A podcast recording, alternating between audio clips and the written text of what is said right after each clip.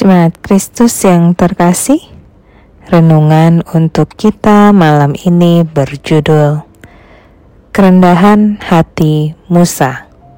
Dan bacaan kita diambil dari Bilangan 11 ayat 24 hingga 30. Demikian firman Tuhan.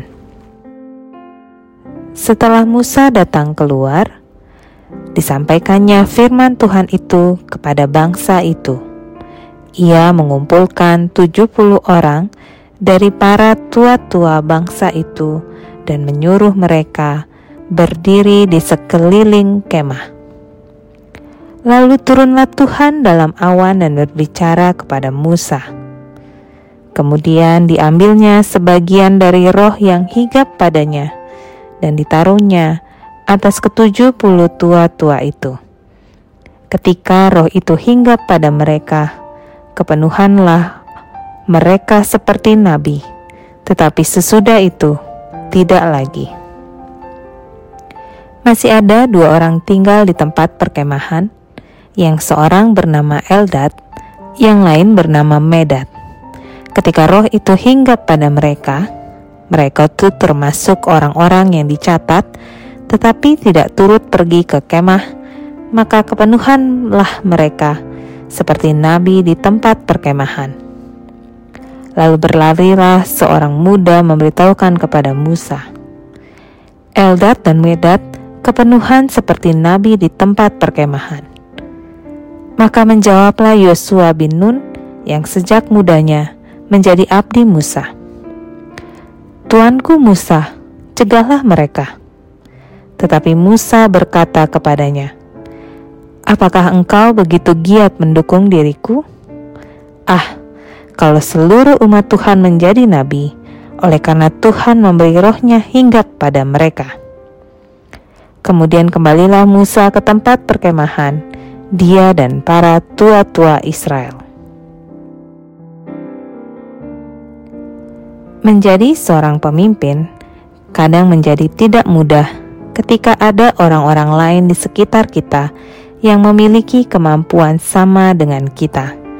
Kesulitan ini muncul ketika ada orang yang berusaha untuk membandingkan kita dengan orang tersebut dan menyuruh kita memakai otoritas yang kita punya untuk menekan orang tersebut agar tidak mengganggu kepemimpinan kita. Situasi semacam ini banyak membuat pemimpin jatuh karena terbawa emosi dan hasutan sesat, sehingga ia tidak lagi dapat bijaksana dalam menentukan apa yang seharusnya ia kerjakan. Kita semua mengenal siapa Musa. Ia dipakai Allah secara luar biasa untuk membimbing bangsa Israel keluar dari tanah Mesir. Ada banyak kesulitan yang dihadapi Musa dalam mengerjakan ini. Namun demikian, ia mampu bertahan. Salah satu ujian yang berat sebenarnya ada dalam bacaan kita saat ini. Oleh Yosua, ia sedang diprovokasi untuk menggunakan kekuasaannya untuk menekan orang yang dianggap berpotensi mengganggu kepemimpinan Musa. Namun demikian, kita melihat begitu luar biasanya Musa. Ia tidak terprovokasi oleh ucapan Yosua.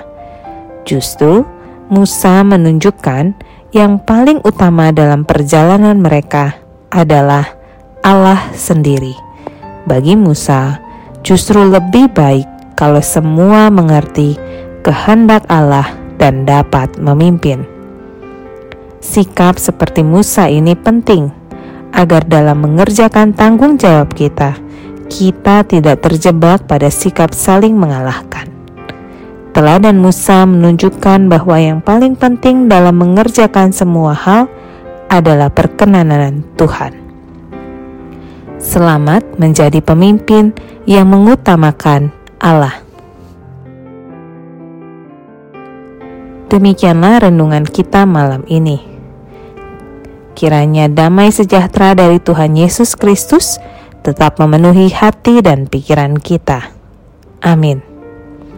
Jemaat yang terkasih, mari kita bersatu hati menaikkan pokok-pokok doa yang ada dalam gerakan doa 21 GKI Sarwa Indah. Mari berdoa.